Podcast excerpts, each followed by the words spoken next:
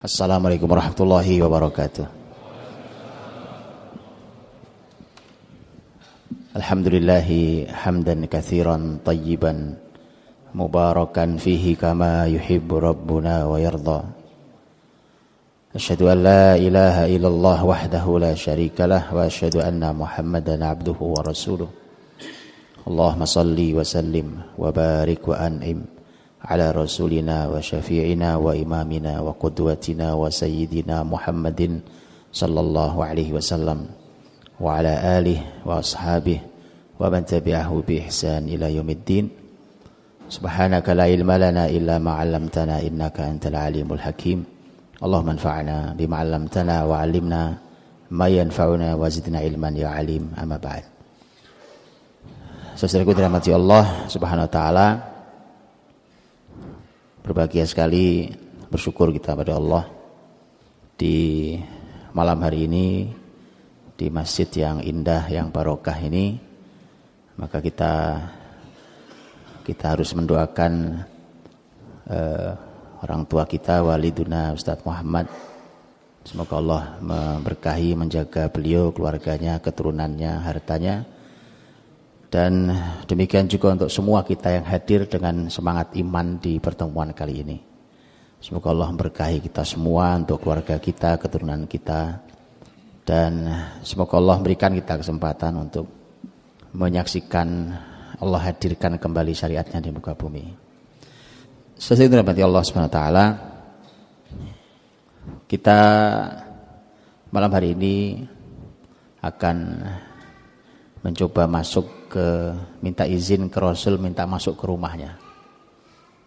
Kita mau mengetuk pintu rumah Nabi kemudian minta izin belajar dari dalam rumah Nabi SAW.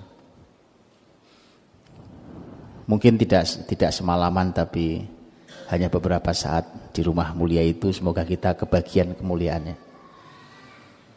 Eh, Saudaraku dirahmati Allah. Inspirasi dari rumah Nabi SAW saya ingin mulai dari eh, jaminan beliau yang sering saya sampaikan. Karena ini jaminan utama beliau ketika beliau menyampaikan tentang rumahnya rumah terbaik keluarga-keluarga terbaik Nabi mengatakan bahwa khairukum khairukum li ahli wa ana khairukum li ahli. Yang terbaik di antara kalian siapa pun kita ini yang terbaik adalah siapa yang paling baik pada keluarganya dan saya, kata Nabi adalah orang yang terbaik pada keluarga saya. Jaminan ini mestinya cukup untuk kita belajar tentang tema rumah tangga yang sangat amat penting ini mestinya langsung dari Nabi saja. Tidak usah muter-muter ke yang lainnya. Langsung ke Rasulullah SAW. Toh semua ada datanya. Teman-teman mau data apa tentang rumah tangga Nabi ada. Di semua peran beliau juga ada riwayatnya. Beliau berperan sebagai pribadi, Beliau berperan sebagai suami, istri-istri beliau berperan sebagai istri, kemudian beliau berperan sebagai ayah, sebagai ibu di sebagian istri Nabi yang mempunyai keturunan, kemudian sebagai kakek, sebagai kakek. Artinya selengkap itu, sehingga masa iya kita masih perlu yang lain. Dan pembahasan tentang tema keluarga, pembahasan tentang tema keluarga itu pembahasan yang besar.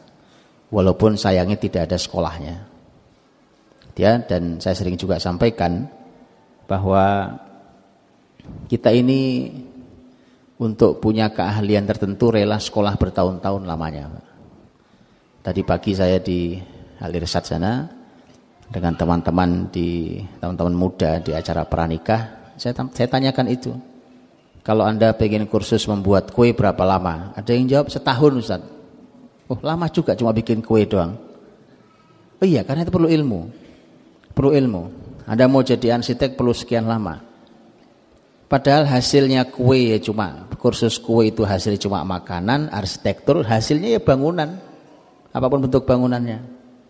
Lah rumah tangga kita itu hasilnya manusia loh. Anak-anak loh. Dan anak-anak itu adalah unsur paling penting di peradaban ini. Manusia itu unsur paling penting di peradaban ini.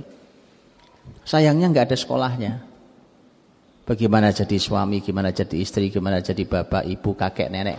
Enggak ada sekolahnya. Sangat disayangkan. Sangat disayangkan itu. Ya. Harusnya ini masuk di kurikulum kita. Masuk di kurikulum pendidikan kita mestinya. Kalau anak lulus SMA, itu kan nggak semua anak pengen kuliah, Pak. Ada yang pengen kuliah, ada yang nggak pengen kuliah, betul ya? Tapi kalau nikah pengen, betul kan? Kalau nikah mah ingin, tapi tidak ada, ada kurikulumnya. Masukkanlah di kurikulum SMA yang punya sekolahan masukkanlah di kurikulum SMA ini. Gitu ya. Kalau nunggu negeri ini Anda mau nunggu sampai kapan? Perbaikan generasi ini supaya memasuki rumah tangga ini bukan kira-kira, bukan raba-raba. Tapi betul dalam panduan Rasul dan Rasul sudah memberikan jaminan dan saya adalah orang terbaik di urusan rumah tangga ini. Baik teman-teman rahmati Allah. Sebelum saya masuk tentang bagaimana Nabi berumah tangga, saya ingin bicara tentang rumah beliau. Inspirasi di rumah Nabi kan? Rumahnya, rumahnya. Karena di sana ada inspirasi besar. E, seorang imam besar di kalangan tabi'in dulu Imam Al Hasan Al Basri rahimahullah taala waktu di masa e, kekhilafahan Utsman bin Affan radhiyallahu anhu pernah masuk ke rumah Nabi itu. Tentu Rasul sudah wafat ya kan udah masa Utsman. Begitu masuk ke rumah Nabi itu, beliau masuk, kemudian masuk ke dalam itu tangannya Al Hasan Al Basri itu dinaikkan ke atas itu. Ternyata dengan berdiri dan tangan dinaikkan itu itu bisa megang bagian atasnya. Jadi sesederhana itu rumah Nabi SAW. Kemudian beliau usul di usulannya, saya berharap rumah Nabi ini tidak direnovasi. Biarkan begini agar semua umatnya tahu inilah nabinya. Jadi teman-teman dirahmati Allah.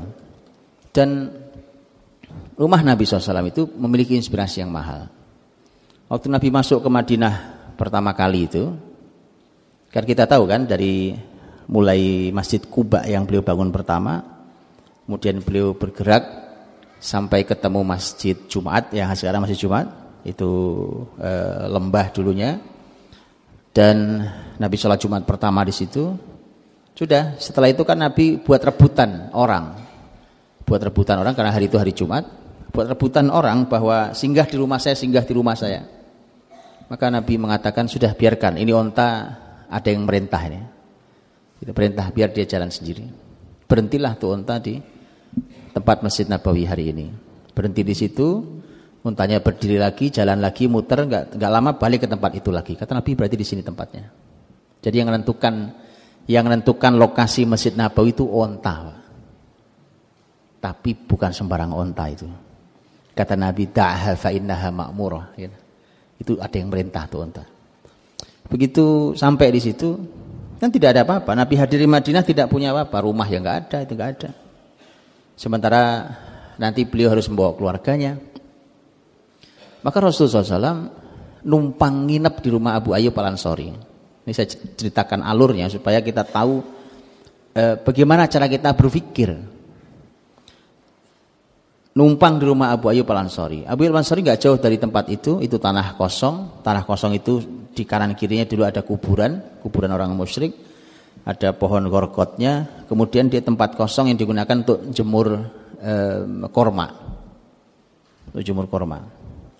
Kuburan dipindahkan, pohon-pohon ditebang, kemudian Nabi beli tanah milik dua anak yatim di situ, kemudian dibangunlah masjid. Tapi sepanjang membangun masjid dan membangun rumah Nabi itu, dibangunlah dulu masjidnya sebelum membangun rumah Nabi. Nabi numpang nginep di rumah Abu Ayyub Al Ansori radhiyallahu anhu. Abu Ayyub punya rumah dekat dekat situ juga. Dua lantai rumahnya dan Nabi menempati salah satu lantainya. Gitu ya. Tadinya Nabi menempati rumah bagian bawah, rumah Abu Ayyub, Abu Ayyub sama istrinya di atas, Abu Ayyub di atas sengsara karena serba nggak enak Rasul di bawah, gitu ya. E, kalau jalan takutnya debu bertebaran ke Nabi SAW bahkan pernah um, apa namanya pecah tempat air di atas. Kemudian eh, setelah itu karena takut netes ke Nabi SAW sampai Abu Ayub dan istrinya kalau di atas itu jalannya pakai ujung kakinya ujung jari kakinya. Saking tidak mengganggu Nabi tapi lama-lama gak kuat juga Abu Ayub datang ke Nabi Rasulullah. Lihat kalimat Abu Ayub lucu juga beliau. Beliau mengatakan ya Rasulullah bagaimana kalau engkau pindah ke atas? Kata Nabi, saya ini banyak tamu, tamu datang segala macam. Kata Abu Bakar Rasulullah, kau di atas saja deh, di atas saja. Kan wahyu datangnya dari langit, ya kan? Emang emang kalau di bawah dia langit enggak gitu ya. Tapi begitulah ya. Akhirnya Nabi tahu ya sudah baik-baik, saya ke atas. Nginap di rumah Abu. Lihat teman-teman. Yang diselesaikan Nabi pertama kali adalah masjidnya. Masjidnya diurusi, dibangun dulu, rumahnya belum jadi. Sudah selesai masjidnya, masjidnya besar, ukurannya kurang lebih ya sekitar 30 kali 30 lah. Kurang lebihnya ya, lebih sedikit. Meter. Kurang lebih 30-an kali 30-an meter. Oke. Okay. Itu rumah besarnya. Kiblatnya dulu menghadap ke Baitul Maqdis, berarti menghadap ke utara. Jadi teman-teman bisa bayangkan ya, kalau kiblatnya ke arah sana, umpamanya ke arah utara, umpamanya ke Baitul Maqdis, maka rumah Nabi posisinya di sebelah kanan belakang, nempel di masjid. Di sana, pelataran sebelah sana. Ngadap kiblat ke sana, bagian depannya di sebelah sana, di bagian sebelah kanan belakang. Nempel di sana rumah Nabi, kecil-kecil. Makanya bahasa istilahnya bukan rumah, dan itu diabadikan menjadi nama surat dalam Quran. Quran tidak menyebut rumah Nabi, tapi menyebutnya Al-Hujurat. Hujurat artinya bukan rumah. Hujrah itu bilik, kamar-kamar. Kita ini kamarnya Aisyah, di sebelahnya kamarnya Hafsah, sebelah depannya, sebelah sini ada Sauda, begitu seterusnya. E, terus dia bertumbuh sesuai dengan jumlah istrinya. Jadi sebutnya, maka para ulama menyebutnya sebagai Al-Hujurat Asy-Syarifah sebagai ruang-ruang eh, atau bilik-bilik kamar-kamar yang mulia. Dan kalau teman-teman masuki rumah Nabi itu cuma ada dua. Begitu masuk banyak rumahnya Aisyah ada dua. Ada ruangan tidak besar Nabi nerima tamu, kemudian sebelahnya langsung kamar kamarnya Nabi dan Aisyah. Begitu rumah istri yang lain kurang lebih. Cuma itu aja. Jadi dalam satu kotak begitu itu dibelah, dibelah dua. Di situ Nabi terima tamu, begitu masuk itu tentu dikasih skat penghalangnya, kemudian masuk ke ke kamar tempat beliau istirahat tidur. Dah hanya itu, hanya itu. Dan eh, makanya makanya Nabi SAW itu makam beliau itu Posisinya yang makam hari ini yang ada Rasul Abu Bakar dan Umar itu adalah posisi ruang tamu. Karena waktu Nabi sakit, Nabi minta dirawat terakhir di rumah Aisyah, disetujui oleh istri yang lain, kemudian dirawat di situ, itu dirawat di situ. E, tentu supaya tidak mengganggu privasinya Aisyah di kamarnya, maka dirawatnya di ruang tamu itu. Dan para nabi dimakamkan di mana mereka meninggal. Ada itulah dimakamkannya ya. Nah, teman-teman rahmati Allah Subhanahu taala. E, itulah itu kurang lebih rumah Rasul kita SAW. Ada pesan kesederhanaan gitu ya. Ada pesan e, dekat dengan rumah Allah Subhanahu taala. Makanya ini juga inspirasi yang mahal. Persis seperti doanya Nabi Ibrahim alaihissalam. Ya, Nabi Ibrahim ketika E, meletakkan istrinya dan anaknya Ismail alaihissalam di lembah Mekah itu. Apa kalimat Nabi Ibrahim? Rabbana inni askantu min dzurriyyati biwadin ghairi dzi zara'in 'inda baitikal muharram. Ya, ya Allah Rabb saya meletakkan anak keturunan saya ini di lembah yang tidak ada pohonnya ya di lembah Mekah itu tidak ada pohonnya di samping rumahmu yang mulia. Ka'bah. Sehingga teman-teman dirahmati Allah, kalau kalau Anda punya rumah di samping masjid itu betapa bahagianya. Makanya dulu tata kota Islam itu selalu tata kota itu di tengahnya adalah masjid. Yang lainnya tumbuh mengitari saja. Dia mengitari rumah-rumah, fasilitas, nanti ada pasar, ada apa itu semua mengitari. Benar bahwa ternyata memang pusaran kita adalah masjid, baik secara tata kota ataupun secara tata hati sama. Karena orang beriman itu berpusarnya di masjid harusnya. Berpusarnya harus di masjid. Nah, hari ini tata ruang yang ada ini mulai berubah. Pusarannya adalah pasar. Betul? Coba Anda lihat apartemen. Berdiri di mana pun apartemen itu yang dijual adalah di sini ada mallnya. Padahal kita semua tahu Nabi SAW menyampaikan tentang khairu biqa'il al masajid wa syarru biqa'ihal aswaq. Ya kan? Iya, perbandingannya kan itu. Nah kalau tempat terbaik adalah masjid, tempat terburuk adalah pasar. Bayangkan rumah kita, pusarannya adalah tempat terburuk. Jadi apa anak-anak? Gitu. Maka pusarannya itu semua mengelilingi masjid. Semua kehidupan ini dulu dalam Islam ditata kota. Lihat kota mana pun. Anda boleh lihat. Bentang dari ujung barat di Andalus sana sampai terakhir zaman kepemimpinan Turki Utsmani, terus sampai eh, itu begitu pusarannya masjid. Nah, ketika zaman berubah menjadi zaman materialistik seperti hari ini, pusarannya menjadi lihat ini tidak bisa ditipu, tidak bisa direkayasa. Bahwa orang menunjukkan keburukannya. Pusarannya adalah tempat terburuk di muka bumi yaitu pasar. Jadi teman-teman ini inspirasi untuk milih lokasi rumah. Gitu ya. Gak apa-apa, gak mesti harus nempel masjid ya jauh dikit dari masjid gak apa-apa. Yang paling penting nyampe ke masjid itu yang paling penting. Ya samping masjid tapi nggak pernah masuk masjid ya sama aja kan. Artinya bahwa uh, oke, okay, yang paling penting gitu. Tanyakan di mana masjidnya. Saya sering sampaikan begitu. Kadang-kadang orang tua itu hanya senang lihat anaknya sudah mandiri beli rumah terus senang wah masya Allah rumahmu bagus ya kan alhamdulillah rumahnya bagus kemudian pemandangannya bagus udaranya bagus ya kan tanyakan di mana masjidmu nak itu paling penting pertanyaan itu. Tidak bisa didik generasi jauh-jauh dari masjid itu nggak bisa, Pak. Nggak bisa. Karena orang beriman itu berpusarnya di masjid. Fi buyutin adzinallahu an turfa'a wa yudhkara. Yusabbihu lahu fiha bil ghudwi wal asal. Itu di rumah-rumah Allah itulah, di situlah sumber semua cahaya itu. Karena di ayat sebelumnya bicara tentang cahaya kan? Allahu nurus samawati wal ard tentang masalah cahaya. Semua pusaran cahaya. Maka eh, carilah tadi ya kalau ini menjadi inspirasi penting rumah Nabi nempel di masjid bagian belakang itu. Nah, ketika kiblat pindah gitu ya, pindah ngadep ke selatan yaitu menghadap ke Masjidil Haram, ah posisinya jadi berubah. Posisi yang hari ini jadi rumah masjid, posisi posisi Nabi terhadap masjid jadinya sebelah kiri bagian depan. Jadinya ya kan? Nah, tadi di situ. Sebelah kiri bagian depan. Nah, itu rumah Nabi SAW. Dan ya begitu teman-teman rahmati Allah. Ehm, jadi Nabi ingin menyampaikan tentang masalah tema rumah itu babnya bukan sebatas rumah Anda seharga berapa miliar. Tapi di dalamnya Anda bahagia apa tidak? Babnya itu.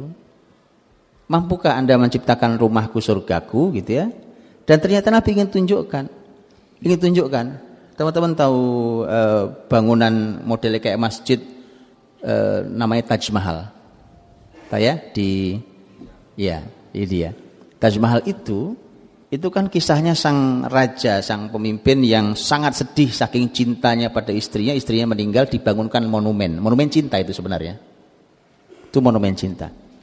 Tapi lihat teman-teman, subhanallah, untuk menunjukkan cinta tidak perlu monumen semahal itu. Kalau Anda ingin tahu monumen cinta yang sesungguhnya adalah itu, makam Nabi hari ini itu. Itu monumen cinta itu. Sesederhana itu, karena di situlah dulu semua kebaikan ada di situ di rumah tangga Nabi SAW. Adapun makam Nabi yang sekarang adalah kamarnya Aisyah radhiyallahu anha. Maka itu monumen cinta itu. Tidak perlu orang eh, besar-besar, mahal-mahal, taunya Anda tidak bahagia. Baik, begitulah rumah Nabi. Kalau masuk ke dalam, teman-teman, di rumah Nabi itu ya perabotannya ada, tapi sederhana sekali. Sederhana sekali. Nabi punya tempat duduk, Tempat duduknya itu Karena zaman dulu serba lapis kulit. Ya kulit onta, ya kulit kambing gitu ya. Kulit itu serba guna, bisa buat tempat tidur, bisa buat tempat duduk, bisa buat bejana air dan seterusnya. Ah, dulu gitu. Itu diisi supaya lebih empuk diisi menggunakan kulit kayu. Kulit-kulit kayu itu kumpulkan, dimasukkan, nah itu tempat duduk Nabi. Nah, sesederhana itulah semuanya. Kalau teman-teman mau bicara tentang bagaimana gelasnya, bagaimana piringnya, bagaimana ini, itu teman-teman rahmati Allah, itu disebutkan oleh dengan sangat detail oleh para ahli ilmu. Imam At-Tirmidzi punya punya buku, punya kitab mengungkap itu semua. Bukunya bernama Asy-Syama'il Al-Muhammadiyah. Bisa dicek di sana. Tapi semua dengan dengan penuh kesederhanaan itulah kan. Dan Nabi sampai disebutkan Nabi SAW itu makan itu sampai tidak tidak pernah makan Nabi di meja itu. Nabi makan itu gelar di bawah ini ada digelar. Gitu ya kalau sekarang diganti plastik sayangnya, gitu ya. Dulu gelarannya bukan plastik dan gelaran itu bisa dipakai lagi. Kalau kulit kan bisa dipakai lagi. Ya udah gelar dimakan di bawah, makan Nabi dengan keluarganya. Gitu. Para ulama mengomentari, ini komentar ulama. Mengapa Nabi tidak pernah makan di meja? Karena Nabi SAW ingin mengajari tema tawadu dan kesederhanaan. Saya tidak tahu. Ternyata para ulama menyampaikan bahwa makan di meja itu dulu merupakan kebiasaan eh, kebiasaan apa namanya ya orang-orang yang eh, tidak tidak menunjukkan ketawaduan. Gitu. Bukan tidak boleh, untuk makan di meja juga boleh ya, tidak masalah. Tapi itulah Nabi kita SAW menunjukkan itu. Dan pembahasannya juga memang sangat sederhana, sesederhana itu. Sesederhana Nabi Shallallahu Alaihi Wasallam kalau datang habis syuruk, habis uh, terbit matahari, Nabi SAW ada di masjid sampai terbit matahari. Uh, begitu pulang Nabi kan nyari sarapan. Kalau Nabi sedang tidak puasa, Nabi cari sarapan kan. Nyari sarapannya itu sesederhana, sesederhana Nabi berkata hal min syai. Apakah ada sesuatu di rumah ini? Kata sesuatu itu artinya apa saja deh makan tuh dibikin simpel gitu loh pak. Dibikin sederhana makan itu biasa saja gitu ya. Yang ada yang ada dimakan. Nggak usah terlalu banyak komentar pak. Ini kebanyakan nonton acara kuliner kita ini. Iya banyak nonton acara kuliner akhirnya semua dikomentari. Makan tuh kalau nggak dikomentari wah ini jos ini kan itu kalau nggak begitu rasanya kurang top dia Yakin Nabi, Nabi kita itu kalau sarapan bahasanya cuma begitu, apakah ada sesuatu? Sesuatu cuma cukup sesuatu. Ya. Nah, sesuatu saja. Ada alhamdulillah dimakan, tidak ada yang kata Nabi kalau gitu saya puasa, puasa sunnah, ya. Sekali waktu berbeda, Nabi lagi ingin puasa, tapi ternyata Aisyah mengatakan, "Ya Rasulullah, kemarin ada yang menghadiahkan ke kita makanan kesukaanmu, aku simpan untukmu, yaitu his." Ada makanan namanya hais. Kalau teman-teman ke Madinah cari ke pasar kurma nanya hais ada apa tidak. Itu gabungan antara kurma dicampur dengan e, minyak samin di saya nggak tahu campuran-campuran ada gandum segala macam. Enak makanannya manis.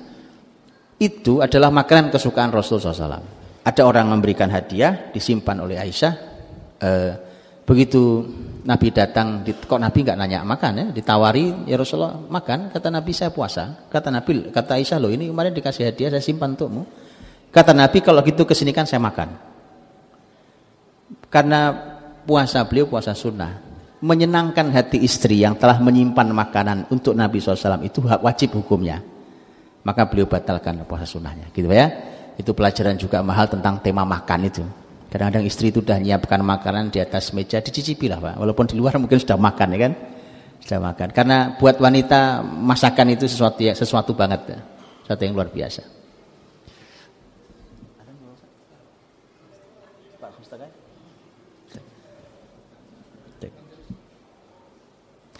Baik. Eh, teman-teman rahmati Allah SWT. Jadi kesederhanaan itu justru menjadi potret yang paling terlihat di rumah tangga Nabi SAW. Jadi jauh dari kata mubadir. Jauh dari kata mubadir, sama sekali jauh. Maka hati-hati, hati-hati rumah tangga sampai terjerat dalam tema mubadir. Karena kalau sudah mubadir itu, itu kita ini akan menjadi ikhwan setan kan. Wala tubadir tabdhira. Innal mubadzirina kanu ikhwana syayatin wa kana syaitanu rabbih kafura. Jadi itu kalau sudah kita akrab dengan setan rumah tangga kita mau jadi apa rumah tangga itu? Maka eh, jauhi itu. Dan kata mubadir itu memang setiap kita beda-beda, Pak. Beda-beda karena bisa jadi seseorang punya kebutuhan untuk membeli sesuatu yang harganya mungkin lebih mahal dari yang kita kita miliki. Karena memang punya kebutuhannya dan memang dia punya uangnya. Tidak ada masalah. Mas, makanya masing-masing yang jujur sama Allah kalau membeli sesuatu apakah ini manfaat apa tidak manfaat. Itu. Itu menjadi kejujuran. Itu sudah waktu adzan soal? Adzan. Baik, eh uh, khair. Adin dirahmati Allah. Itu potret awal tentang uh, keadaan rumah Nabi SAW yang tadi saya katakan potretnya memang kesederhanaan tapi kesederhanaan itu yang mengantarkan beliau pada kebahagiaan dan mengantarkan semua yang ada di dalam bahtera rumah tangga beliau itu semua dalam bahagia. Makanya apa pun masalahnya apa pun kemarahannya ya kan? Karena para istri itu juga marah ke Nabi loh. Kadang-kadang teman-teman kalau teman-teman mau kalau membaca kalau membaca kalimat-kalimat istri Nabi itu sampai saya merasa begini ini kalau dipotretnya sebagai istrinya itu bukan istri tapi dipotretnya sebagai umat ini rasanya dosanya besar banget ini tapi karena potretnya adalah istri maka Nabi senyum-senyum aja.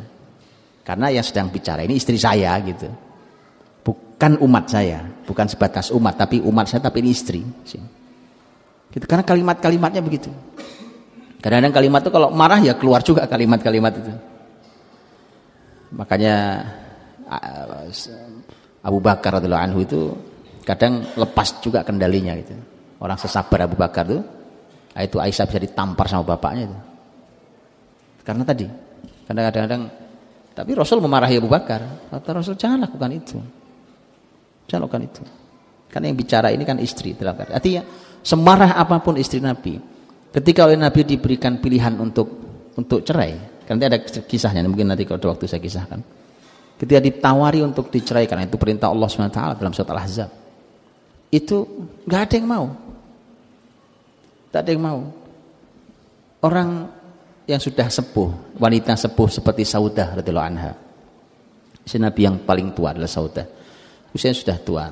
Ada yang mengatakan waktu dinikahi Nabi umur memang sudah 55 tahun eh, sudah sudah tua kemudian eh, Nabi sempat juga menawarkan cerai pada Saudah Saudah mengatakan tidak ya Rasulullah karena eh, saya sudah tidak perlu malam saya saya hadiahkan malam saya pada Aisyah dan eh, karena saya ingin nanti ketika dibangkitkan di hari kiamat disebut sebagai istrimu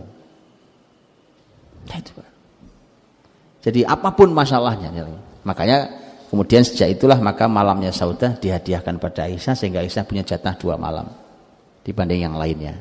Makanya Aisyah radhiyallahu anha nyaris tidak pernah punya masalah dengan Saudah. Gitu Pak. Karena dapat jatah satu malam itu hadiahnya. Kalau dengan lain bisa masalah, tapi dengan Saudah itu tidak. Dan itu adalah eh, warna-warni indah di kehidupan rumah tangga Nabi sallallahu alaihi wasallam.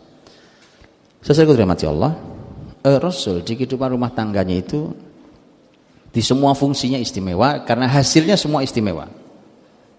Ini masya Allah. Ya. Bayangkan ada satu anak saja yang istimewa hasilnya, itu bisa menjadi aset dunia akhirat kita. Ini semuanya istimewa. Istri-istrinya semua orang luar biasa mulia. Kan Allah berikan potret di Quran umpamanya sebagaimana kita sering bahas eh, bahwa salah satu istri Nabi Nuh, kemudian istri Nabi Lut alaihi ternyata istrinya tidak beriman kan tidak beriman. Tapi Nabi punya istri sebelas, sebelas sebelasnya istimewa. Itu kan dahsyat. Jadi Allah mengungkap tentang istri Nabi Nuh Nabi Lut. Taraballahu mathalan ladzina kafaru Nuh wa imra'atan Lut kanata tahta 'abdaini min ibadina salihin fa khanatahuma falam yughniya 'anhuma min Allah syai'a wa qila dukhulan nar ma'ad dakhilin artinya memang eh, bahwa ini istri Nabi tapi gagal gitu. Mendidik istrinya. Nabi Muhammad SAW istri tidak juga tidak satu. Istri sebelas itu semuanya istimewa. Itu kan kenapa tidak kita belajar ke Nabi kan? Bagaimana Nabi SAW istimewa dengan seluruh istri-istrinya itu. Dan Jika kita masuki posisi Nabi sebagai suami dan istri beliau sebagai istri dengan semua drama dan warna-warni indahnya itu masing-masing berperan juga luar biasa. Teman-teman kalau membaca istri-istri Nabi SAW, mereka itu punya peran yang berbeda-beda. Petanya, peta terhadap Nabi juga beda-beda. Peta terhadap Nabi juga beda-beda. Contohnya, kalau bicara tentang istri Nabi yang pertama, Khadijah radhiyallahu anha, Khadijah radhiyallahu anha kita tahu bahwa beliau wanita yang awal eh, Nabi tidak menikah dengan wanita mana pun saat Khadijah masih hidup. Memang bahkan Nabi yang berkata pada Aisyah radhiyallahu anha, ya kan? Wallahi ma abdalani Allahu khairan minha. Allah tidak pernah memberiku ganti istri yang lebih baik daripada Khadijah. Wanita luar biasa lah Khadijah radhiyallahu anha. Sehingga ketika sudah meninggal sekalipun Nabi sudah hijrah pindah ke Madinah, makam Khadijah di Mekah. Nabi tinggal 500 kilo kurang lebih dari makam itu, ya kan? Tapi kenangan dengan Khadijah nggak hilang. Emang ini wanita yang satu ini istimewa. Tidak hilang, itu yang membuat Aisyah sangat cemburu. Dia punya peta, petanya Nabi sampaikan. Waktu semua orang kafir dia beriman. Waktu semua orang tidak percaya dia percaya sama saya. Gitu? Yang pertama masalah visi yang sama, yang kedua masalah istri yang mendukung suami, yang ketiga masalah Khadijah itu punya dana besar, punya harta besar, dia yang digunakan untuk mendukung visi suaminya, dan yang keempat adalah fitrah manusia bahwa dia darinya Nabi dianugerahi keturunan anak-anak.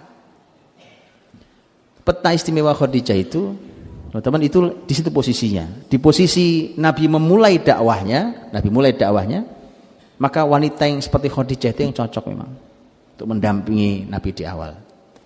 Begitu berjalan dan Khadijah dengan Khadijah punya enam anak, kemudian uh, Khadijah radhiyallahu meninggal tahun 10 kenabian. Maka Nabi dengan Nabi sudah menjadi nabi tahun 10 kenabian, itu sudah 10 tahun jadi nabi. Sudah jadi nabi, kemudian Khadijah meninggal, maka Nabi perlu ada orang yang bisa mendampingi anak-anaknya. Makanya begitu ditawarkan menikah dengan Saudah, wanita yang sudah tua, sudah tua. Tapi Saudah punya orang wanita yang baik, wanita yang baik dan punya pengalaman sebagai orang tua bersama anak-anak. Masuklah Saudah di rumah tangga Nabi. Ya, jadi begitu Khadijah meninggal, maka Saudah masuk di rumah tangga Nabi. Tapi Nabi juga menikah dengan wanita yang lain yaitu Aisyah radhiyallahu anha, tapi belum serumah, serumah nanti ketika di Madinah. Jadi di Mekah itu Nabi serumah dengan Khadijah, Khadijah meninggal serumah dengan dengan Saudah. Kemudian begitu di Madinah, Nabi hijrah ke Madinah, Nabi bawa dua istri. Satu Sauda, yang kedua Aisyah. Baru serumah dengan Aisyah bulan Syawal tahun 1 Hijriah. Eh, dan begitu masuk ke rumah tangga Nabi SAW. Maka Aisyah punya peta yang lain. Wanita masih gadis, muda, cerdas sekali, cerdasnya di atas rata-rata. Maka dia adalah penampungan terbesar dari ilmu Nabi SAW. Suaminya orang pinter, Pak kalau ibu-ibu ini juga menarik ya. Ibu-ibu kalau mendampingi seorang suami yang ilmunya banyak, yang pinter, kalau ibu-ibu bisa menjadi penampungan yang luar biasa untuk ilmu suami itu, maka alangkah bahagianya suaminya. Kan itu bagian dari bahagia seorang suami yang posisinya sebagai seorang ilmuwan besar seperti Nabi SAW. Maka Aisyah itu menjadi ilmuwan besar itu. Dan karenanya eh, Nabi itu kalau ngajar di Masjid Nabawi, teman-teman, Nabi kan duduknya di Raudhah itu ya. Di Raudhah itu punggung Nabi Nabi sandarkan di dinding rumah Aisyah, di kamar Aisyah. Karena Aisyah teman-teman kalau lihat riwayat tentang Nabi waktu etikaf terus Nabi cuma memasukkan kepalanya ke kamar Aisyah disisiri oleh Aisyah dari dalam rambutnya gitu ya. Itu karena memang ini dinding masjid, ini masjidnya, ini langsung pintu, pintu jendela Gitu ya, jendela kamarnya Aisyah. Rasul kalau ngajar, kalau ngajar itu posisinya tidak posisi membelakangi kiblat. Kalau saya sekarang ini kan membelakangi kiblat. Kita kiblatnya ke sana, saya membelakangi kiblat. Tidak. Kalau Nabi sholatnya kiblat ke sana, posisi rumah Aisyah di sebelah sana, punggung Nabi nempel di sana, ngadepnya ke sana. Itu ngajar para sahabat. Para ahli ilmu mengatakan, kenapa Nabi nggak di sini saja kan ngajar kan? Biasanya kalau kita kan ngajar di sini kan, Pak. Nabi malah kenapa ke situ? Para ulama mengatakan bisa jadi salah satu tujuannya adalah agar suara yang Nabi sampaikan, ilmu Nabi sampaikan itu masuk ke kamar Aisyah. Maka tidak aneh kalau Aisyah menjadi wanita sumber utama ilmu di kalangan para kaum wanita. Bahkan kelak menjadi guru besarnya. Begitulah rumah tangga Nabi teman-teman. Jadi ada memang ada pusaran ilmu dan itu juga pelajaran mahal pelajaran mahal bahwa yang namanya suami itu ya memang harus jadi sumber ilmu istrinya. Jadi para suami yang belum jadi sumber ilmu istrinya ya segera belajar yang cepat belajarnya, agak ngebut belajarnya gitu. Istri Anda mau belajar sama siapa? Belajar sama ustad. Dulu literatur Islam dulu itu, umpamanya Umar bin Khattab radhiyallahu anhu, Aisyah radhiyallahu anha. Mereka Umar itu pernah kirim surat ke, untuk masyarakat Kufah, kirim surat. Suratnya adalah alimu nisaakum suratan nur. Ajarkan pada istri-istri kalian surat An-Nur. Perintah ke siapa? Perintah ke para suami. Berarti suaminya ngerti tafsir surat An-Nur. Surat An-Nur begitu pulang ke rumah suaminya ngajarin istrinya masing-masing. Kan gitu kan? Ah, kita ini surat An-Nur juga gak ngerti sebelah mana kadang-kadang. Apalagi tafsirnya. Gitu. Ini ini masalah kualitas zaman. Yuk kita ubah gitu loh. Bahwa suami itu memang literaturnya istri. Harus begitu. Sumber ilmunya istri itu suami itu. Jadi mari mari Pak, harus begitu, harus begitu. Itu dulu itu dulu perintah massal di kota. Di kota itu gitu perintah. Khalifah tinggal ngasih perintah, ajari istri kalian surat An-Nur, kirim surat itu ke Kufah. Perintah dari khalifah. Enak dia. Kalau punya masyarakat gitu enak banget jadi pemimpin. Enak banget tinggal perintah gitu jalan masyarakatnya, perintah jalan. Jalan dong enak mereka tahu ilmunya. Sekarang kasih instruksi bingung masyarakat ini ngapa maksudnya nih kita. Sehingga teman-teman dirahmati Allah maka ayo di para suami ini jadi literatur istrinya.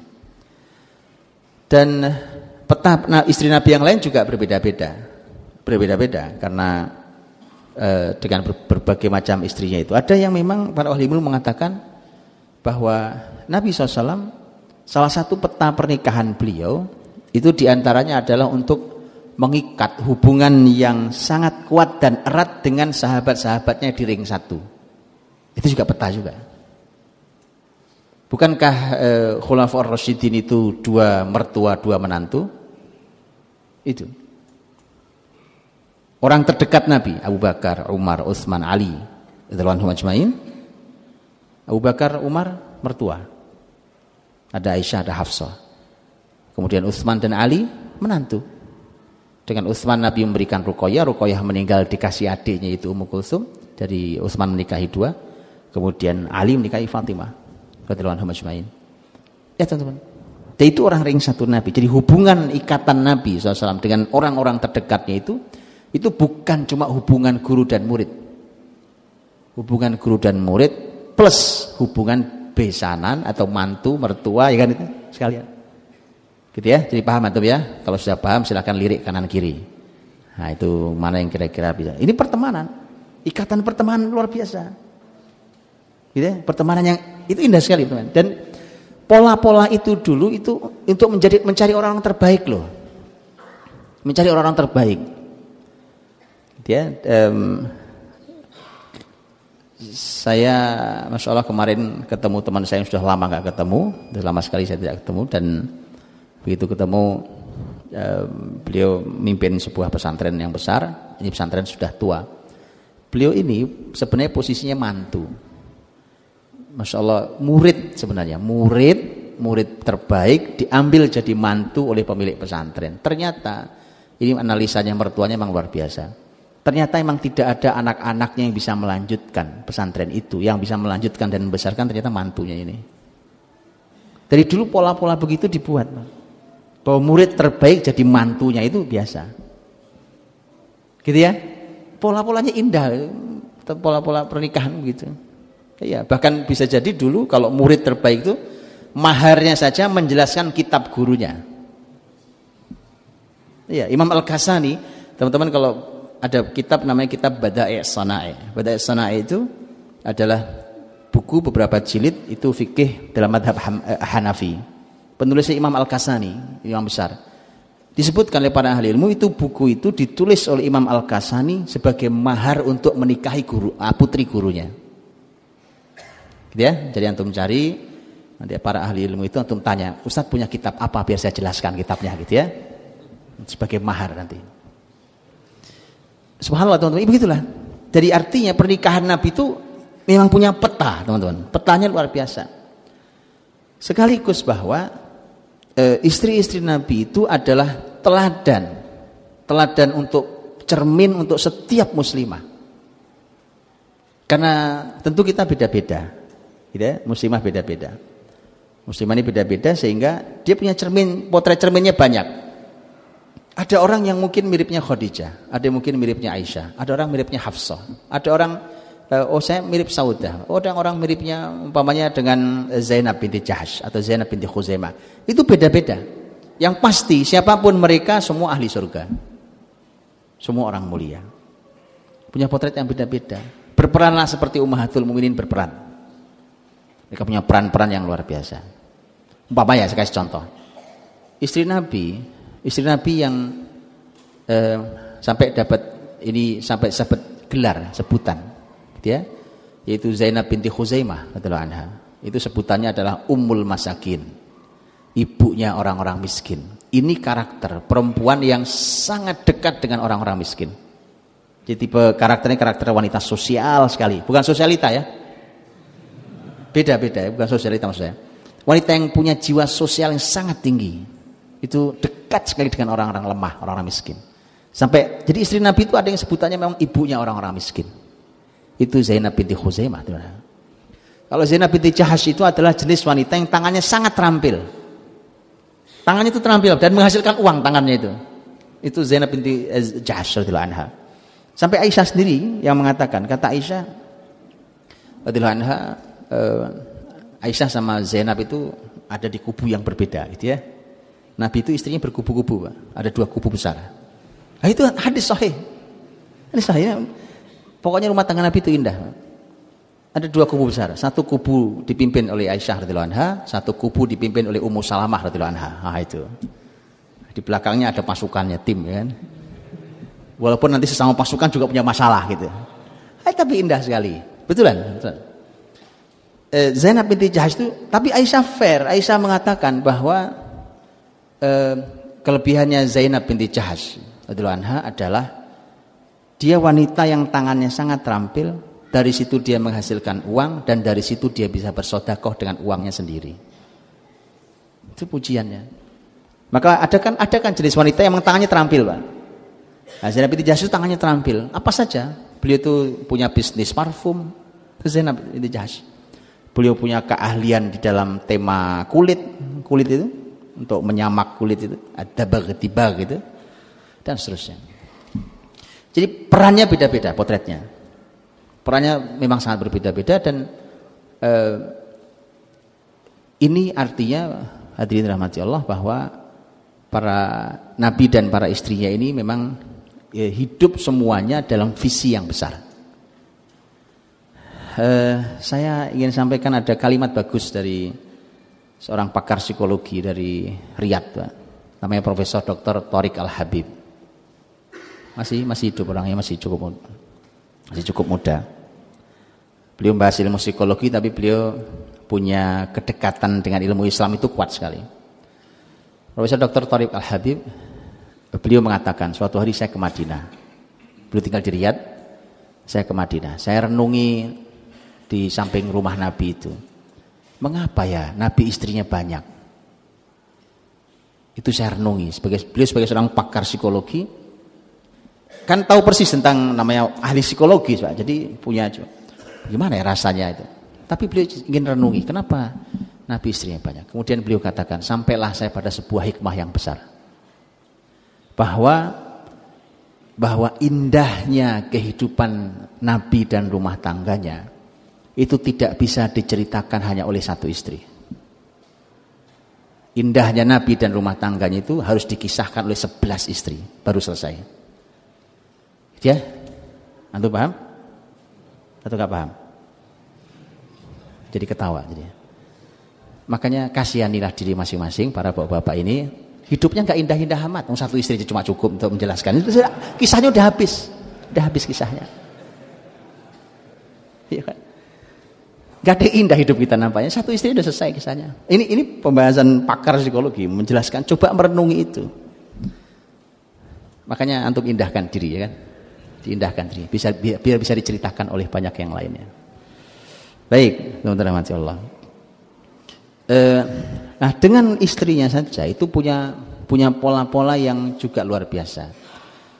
Ada pelajaran banyak di sana.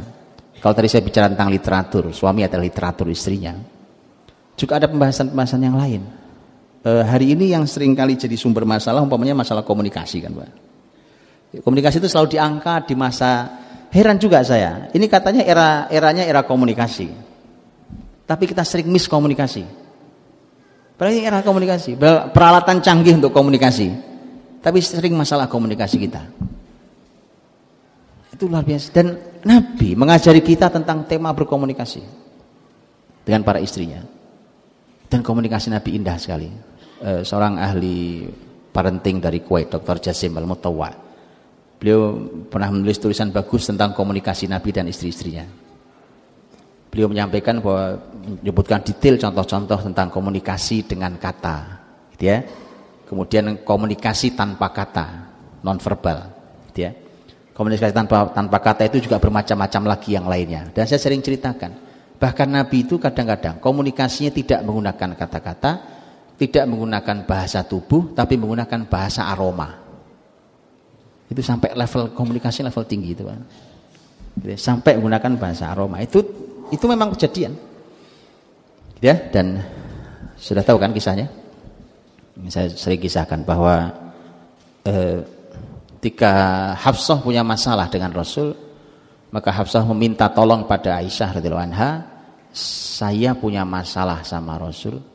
Kalau kamu bisa menyelesaikan masalah ini, bisa mendamaikan kami, maka satu jatah malam saya saya kasih kamu. Nah, dulu dulu jatah malam tuh buat buat itu, buat berbayaran dulu. Indah kan? Nggak ngerti, antum nggak ngerti. Wong saya ngomong indah nggak ada yang ngerti kan kecuali yang nyoba. Eh, maka ketika Aisyah mampu menyatukan kembali Hafsah dan Rasul, itu disatukan itu, ah dapatkan. Nabi nggak tahu kisah ini. Dan Aisyah radhiyallahu anha itu punya kebiasaan untuk mengingatkan Nabi bahwa malam ini adalah jatah saya, dia menggunakan parfum khusus. Nah, itu komunikasi dengan parfum. Dia pakai parfum khusus yang begitu dia pakai, kau usah ngomong. Nabi juga tahu, saya diingatkan Aisyah itu. Maka alangkah kagetnya Nabi ketika hari itu mencium aroma Aisyah radhiyallahu anha. Loh, kata Nabi, Nabi bilang ke Aisyah, ini bukan malammu. Kata Aisyah, aku punya kisah di balik ini. Nah gitu itu. Tadi itu kisahnya. Jadi Aisyah nggak perlu bicara gitu. Lihat teman-teman, komunikasi Nabi itu sampai level itu. Sampai level itu. Gitu ya. Ya memang kita harus belajar semua. Saya saya juga perlu belajar banyak hal itu ya. E, dan apalagi di masa-masa yang e, memang genting. Kadang-kadang teman-teman lihat ya itu kan kalau itu kan komunikasi. Kadang-kadang komunikasi Nabi juga macet karena masalah.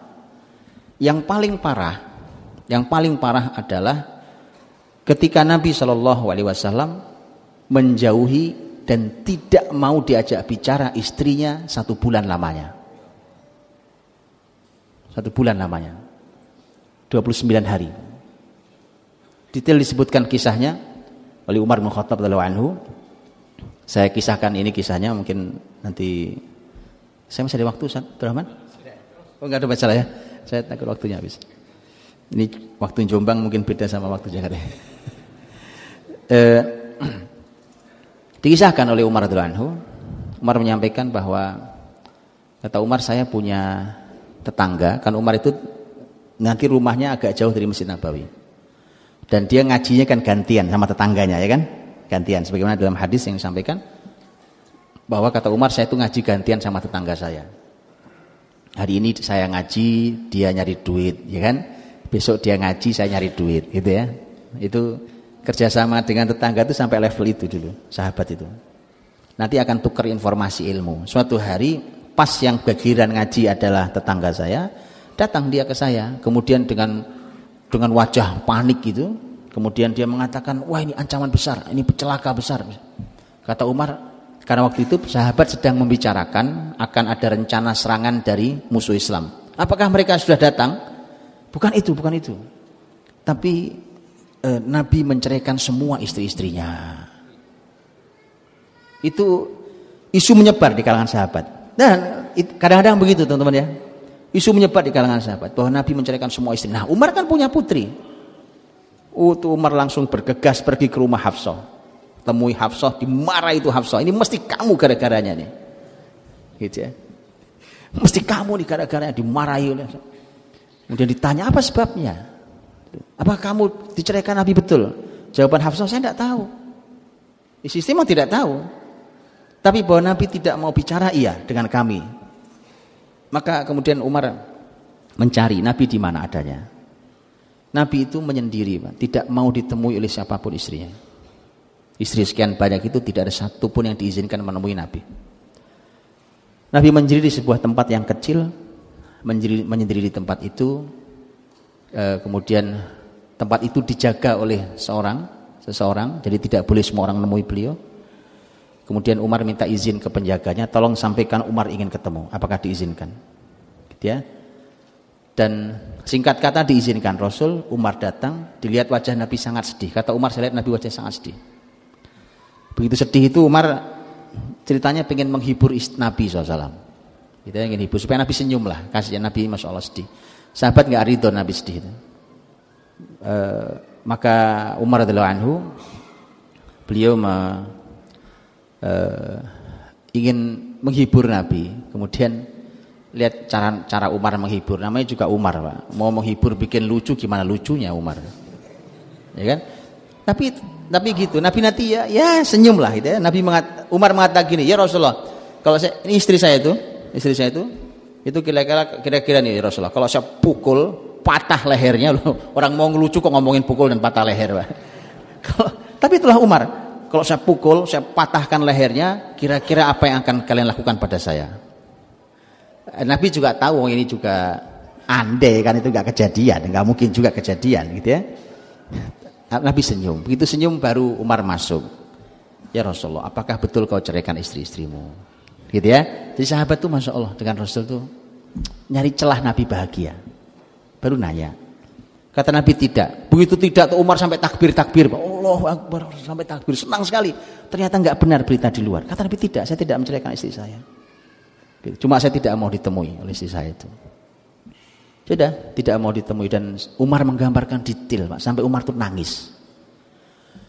Umar mengatakan bahwa tempat yang sempit itu kemudian kata Umar saya melihat ada satu rak, ada satu tempat itu makanan nggak ada makanannya, cuma gandum paling satu sok. Kemudian ada kirbah, ada satu tempat dari kulit di tempat air. Tapi tempat airnya sudah kering karena sudah lama nggak ada airnya kan itu kan kulit. Kalau nggak kena air kan nggak basah dia. Jadi sudah kering dia keras dia. Karena sudah lama nggak ada airnya. Tidak ada apa-apa di situ. Umar nangis. Sampai Umar, kemudian Umar mengatakan, sampai Nabi mengatakan, apa yang buat menangis wahai Umar? Umar mengatakan ya Rasulullah e, karena Umar melihat ada bekas bekas tidur Nabi membekas di tikar ada cuma tikar e, Nabi tidur di situ kemudian terlihat bekas tikar itu di badan Nabi SAW Umar mengatakan ya Rasulullah para kaisar para kisro pemimpin-pemimpin besar itu mereka mereka itu hidup dengan begitu mewahnya Padahal engkau adalah Rasul, engkau adalah orang pilihan Allah. Apakah layak engkau hidup dengan cara seperti ini? Gitu. Apa kata Nabi SAW? Nabi mengatakan, wahai Umar, tidakkah kamu ridho mereka dapat dunia dan kita dapat akhirat? Kalimat Rasul SAW. Itu Rasul kita. Maka di situlah Nabi diam diri, tidak mau ditemui istrinya, antum tahu, 29 hari. Hari ke-30 Nabi kembali, kemudian Nabi menemui istrinya dan yang pertama kali ditemui adalah Aisyah radhiyallahu anha. Begitu ketemu Aisyah radhiyallahu anha, maka Nabi mengatakan kepada para istri lain, "Pulanglah kalian ke rumah ayah ibu kalian, mintalah pendapat kepada mereka eh, tentang bahwa aku diminta Allah untuk memberikan pilihan pada kalian." Itu surat Al-Ahzab 28 29 itu. Ya ayuhan nabi, qul li azwajik in kuntunna turidna al-hayatad dunya wa zinataha fata'alaina umatti'kunna wa usarrihkunna sarahan jamila.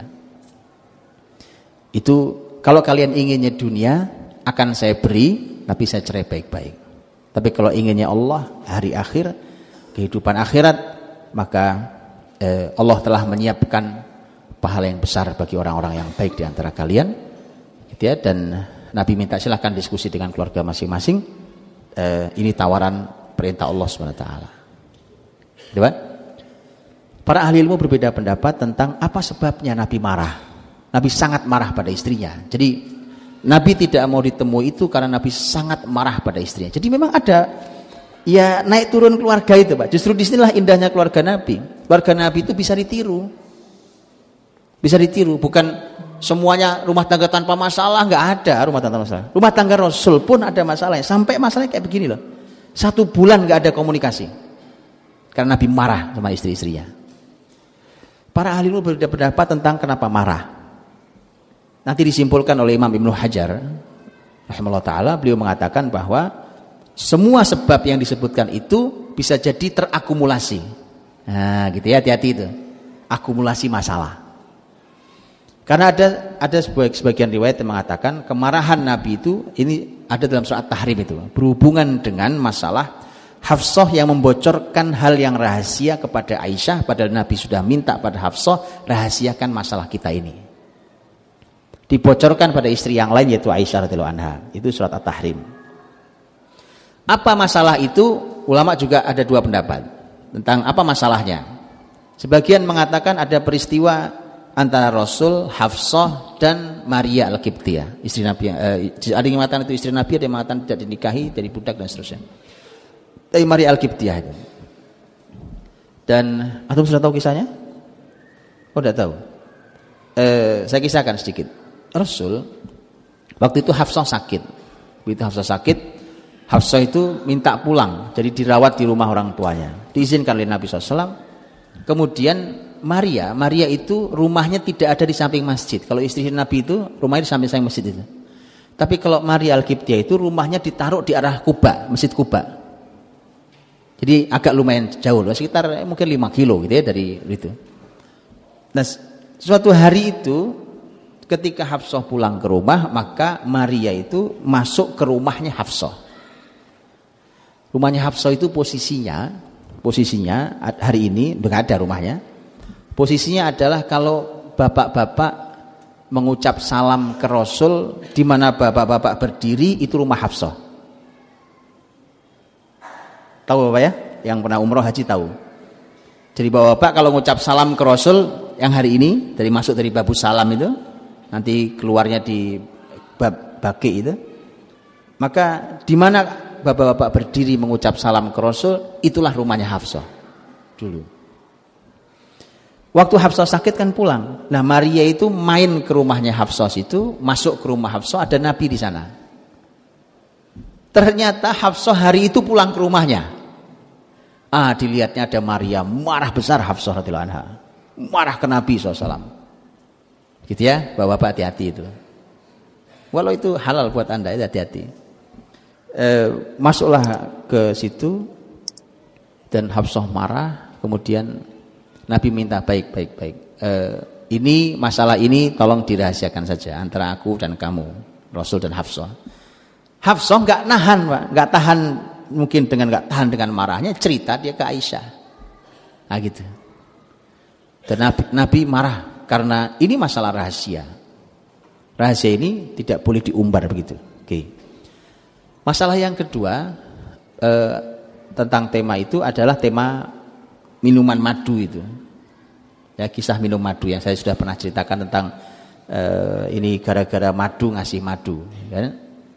Jadi dikasih minum minuman madu itu disebutkan di rumahnya Zainab eh, binti Jahash radhiyallahu anha, Nabi kan keliling ke rumah istrinya ya kalau pagi dan sore hari satu-satu ditemui, masuk ke rumah Zainab nggak keluar-keluar kelamaan itu. Istri lain sudah nunggu kan giliran untuk ditemui Nabi. Ternyata Nabi disuguhi madu, madu dikasih dikasih ke Nabi, disuguhkan ke Nabi, Nabi minum dulu dan seterusnya. Dan itu ternyata Aisyah dan Hafsah radhiyallahu anha ini berkolaborasi untuk uh, mengatakan ke istri, yuk kita kita sampaikan ke istri lain ya kan bahwa uh, nanti kalau Nabi datang ke rumah-rumah kalian katakan aroma mulutmu tidak sedap ya Rasulullah. Madu, madu apa? Madu kan gak ada masalah. Madu itu malah membuat menetralkan ya kan? Enggak ada. Jadi itu karena masalah kecemburuan semuanya. Ah di situlah kemudian Nabi sampai mengatakan kalau gitu eh, Nabi saat itu mengharamkan meminum madu. Ah itulah yang kemudian ditegur Allah di ayat pertama surat At-Tahrim itu. Ya Yuhan Nabi lima tuharrimu ma ahallallahu laka mardata azwaji wallahu ghafurur rahim. Jadi Allah tegur, wahai Nabi, kenapa kamu mengharamkan apa yang dihalalkan Allah? Itu kisahnya. Ya. Kita yang ketiga, yang disebut akumulasi. Yang ketiga adalah bahwa eh, dari tahun ke tahun ekonomi Nabi dan sahabat itu kan grafiknya naik gini, Pak. Terus naik. Jadi makin um, sahabat itu makin hari makin kaya. Tapi kehidupan Nabi nggak kunjung kaya. Padahal Nabi itu bisa punya hak yang lebih besar dibandingkan dibandingkan muslimin lain. Contohnya ada fai. Fai itu kan harta rampasan perang yang itu murni Nabi yang punya hak mengaturnya. Itu fai, beda dengan ghanimah. Maka istri-istri Nabi pernah mengatakan, "Ya Rasulullah, putri-putri Persia itu hidup dengan begitu nyaman dan mewahnya. Sementara engkau adalah rasul yang lebih mulia daripada Persia. Tidakkah kau izinkan kami hidup seperti mereka? Wah itu membuat Nabi marah. Marahlah. Kenapa tidak? Bang? Masa iya pantas istri Nabi, istri Nabi ngomonginnya ngomongin duit belanja. Itu maksudnya.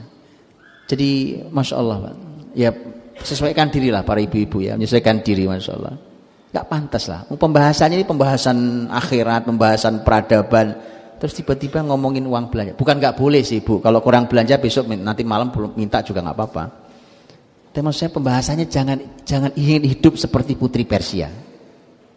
Maka Nabi marah. Nah ulama mengatakan, Imam Hajar mengatakan bisa jadi tiga hal itu adalah akumulasi. Tergabungkan itu membuat Nabi sangat marah pada istri-istrinya dan terjadilah peristiwa Nabi menjauhi istrinya satu bulan lamanya. Gitu. Jadi eh, Rumah tangga Nabi itulah, ada fluktuasi naik turunnya kayak gitu. Justru itu situ indahnya. Karena ternyata di situ ada masalah dan kita kita ini diajari langsung oleh Nabi bagaimana cara menyelesaikannya. Masalahnya apa, cara menyelesaikannya apa. Gitu ya. Kecemburuan Nabi SAW, eh, kecemburuan eh, para sahabat, eh, maaf, kecemburuan istri-istri Nabi. Kecemburuan istri-istri Nabi itu ada kalanya Nabi sikapi dengan senyum-senyum aja. Disenyumi beres selesai urusannya. Istri lagi cemburu ya cemburu. Bahkan ketika sahabat pun tahu bahwa istri Nabi lagi cemburu, simpen. Nabi cuma mengatakan gharat ummukum, ibu kalian lagi cemburu. Simpel gitu ya. Tapi ada cemburu yang oleh Nabi dimarahi. Dimarahi. Sampai Nabi mengatakan aki syaitanuki, apakah datang setan kalian? Apa datang setanmu? Itu Nabi bicara sama Aisyah ketika Aisyah mencemburui Nabi saat Nabi sedang ingin berbuat kebaikan.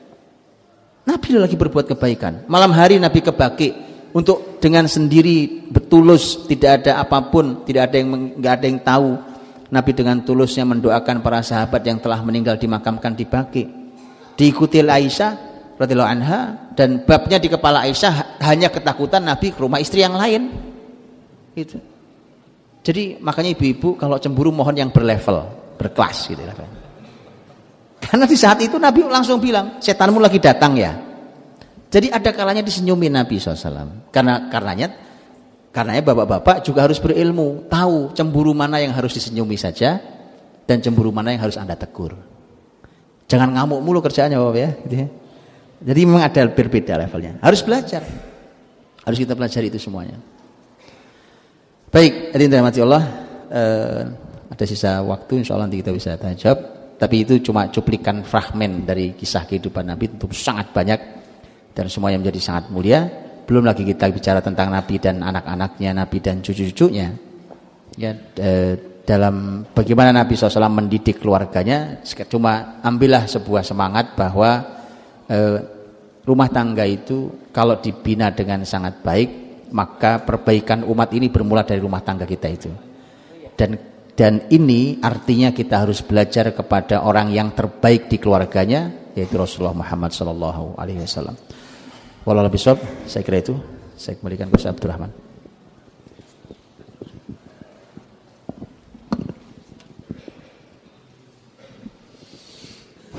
Masya Allah. Sedikit kita dapat gambaran mengenai bagaimana bentuk keluarga rumah Nabi Shallallahu Alaihi Wasallam. Mungkin dari bapak-bapak atau ibu-ibu ada yang kurang jelas, saya beri kesempatan untuk bertanya. Silakan. Ada yang silakan Mbak.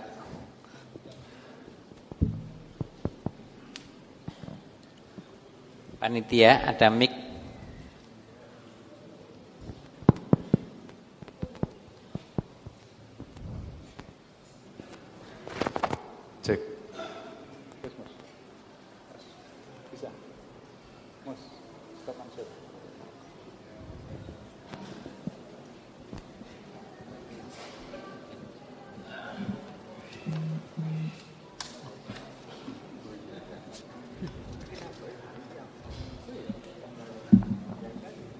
Assalamualaikum warahmatullahi wabarakatuh. Waalaikumsalam warahmatullahi wabarakatuh. Ustadz Karim, saya akan bertanya. Silakan Pak.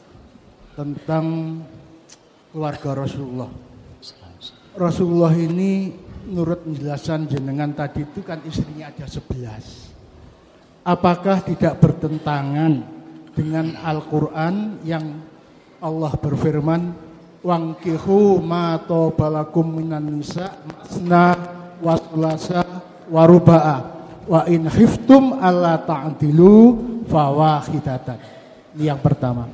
Yang kedua, apa konsep Rasulullah membina istri yang sebanyak itu kok tidak ada yang bentrok, tidak ada yang khusus dan lain sebagainya. Padahal saya ini punya istri satu aja kadang-kadang sulit bina itu. Tenang, tenang. Saya tenang. ini bukan curhat ini, tenang. Eh, kalau di Mekah itu siap, siap. Madinah itu saya sering dikan sama orang-orang Arab itu. Antum minik Indonesia. Kam zaujutuka ana wahid. Oh, sohir, sohir, sohir. Jawabnya orang-orang Arabi di sana. Ya, ya. Yang selanjutnya Ustadz Karim, saya akan minta penjelasan tentang Rasulullah bersama Aisyah. Kalau kalau ada giliran pernah berkata begini Aisyah. Ma raaitu min minni wa ma raaitu minhu. Ini ucapan Aisyah suatu saat dapat giliran dari Rasulullah. Sekian wassalamualaikum warahmatullahi wabarakatuh. Assalamualaikum uh, baik Pak yang pertama, eh, apakah tidak bertentangan? Tidak, karena ada beberapa hal yang oleh para ahli ilmu Islam disebut sebagai eh, khosoisnya Rasul SAW. Dia hal-hal yang khusus bagi Rasul SAW. Bahkan ada sebagian amal itu yang hukumnya sunnah bagi kita tapi wajib buat Nabi. Amal itu ada yang sebagian buat kita sunnah hukumnya. Buat Nabi dia buat Nabi dia wajib hukumnya. Ada amal yang buat kita hukumnya makruh, buat Nabi boleh. Contohnya puasa nyambung itu, puasa wisol itu. Kan kalau puasa kita harus buka Pak kalau maghrib. Tapi kalau Nabi boleh untuk tidak buka. Puasa terus nyambung itu Nabi boleh. Kalau selain selain Nabi tidak boleh. Sebagian ahli ilmu menghukuminya makruh hukumnya ya e, jadi memang ada hal-hal yang khusus buat Nabi termasuk di antaranya adalah menikahi nikahi lebih dari empat itu khusus buat Nabi SAW. Untuk umatnya, untuk umatnya maksimal empat. Makanya itulah yang dilakukan oleh para sahabat Nabi dulu. Para sahabat Nabi dulu, ya istrinya maksimal empat. Bahwa nanti di total lebih dari empat itu ya biasa juga. Ya, tetapi eh, ketika satu kali jalan dia maksimal hanya empat. Bahwa nanti mungkin ada yang meninggal atau ada yang cerai, kemudian diganti yang lain dan seterusnya. Itu yang pertama. Eh, yang kedua, apa resepnya? Memang tadi teman-teman, eh, sebagai suami ini memang ilmunya harus lapang. Kalau ilmunya lapang tuh insya Allah hatinya juga lapang. Karena dia tahu strategi itu nggak cuma satu poin, Pak. Dia banyak jalan dia tahu. Karena ilmunya banyak. Itulah salah satu cara Nabi untuk melapangkan itu. Karena kalau gampang sumpek, Pak. Kan ada masalah dikit sumpek, masalah dikit sumpek. Nah itu lama-lama pergi juga tuh suami kan. Padahal istri cuma satu. Tapi kalau iya, tapi kalau kita punya ilmu yang lapang, maka akan banyak sekali jalan yang bisa kita tempuh. E, antar istri Nabi terjadi bentrok, iya kayak tadi itu. Bentroknya tadi saling marah antar mereka. Kadang-kadang memposisikan Nabi di posisi yang kadang-kadang Nabi juga sulit posisinya gitu. Tapi tadi bahwa ada hal-hal yang memang disikapi dengan senyum, kadang-kadang ada hal-hal yang oleh Nabi SAW disikapi dengan cara yang biasa saja dan seterusnya. Ya, jadi ini semua berawal dari ilmu tadi itu dan apalagi kalau penyebab kemarahan istri Nabi itu eh, biasanya babnya adalah cemburu. Waktu Ummu Salamah mau dinikahi oleh Nabi, Ummu Salamah kan keluhannya itu, Pak. Keluhannya adalah eh, ya Rasulullah, saya ini wanita dengan beberapa masalah. Di antara masalahnya adalah saya ini wanita pencemburu. Pencemburu berat. Nabi mengatakan, adapun cemburumu semoga Allah menghilangkannya darimu. Menghilangkan itu bukan berarti Ummu Salamah tidak punya cemburu. Tetap punya cemburu, tetapi cemburu yang negatif yang hilang. Nah, itu. Jadi karena cemburu itu yang positif dan negatif. Nah, yang negatifnya yang hilang. Gitu, Pak. Adapun yang ketiga saya tidak tahu, Pak. Saya baru baru dengar kalimat tadi itu. Eh, saya tidak tahu persisnya kalimat itu seperti apa Allah Itu saya kira. Kalau saya boleh menyempurnakan apa yang ditanyakan Bapak tadi, apakah Rasulullah SAW itu setiap menikahi istri-istrinya ini, apakah ada perintah dari Allah untuk menikahi perempuan itu atau dari Rasulullah sendiri? Baik, uh, ini sih bukan menyempurnakan, San.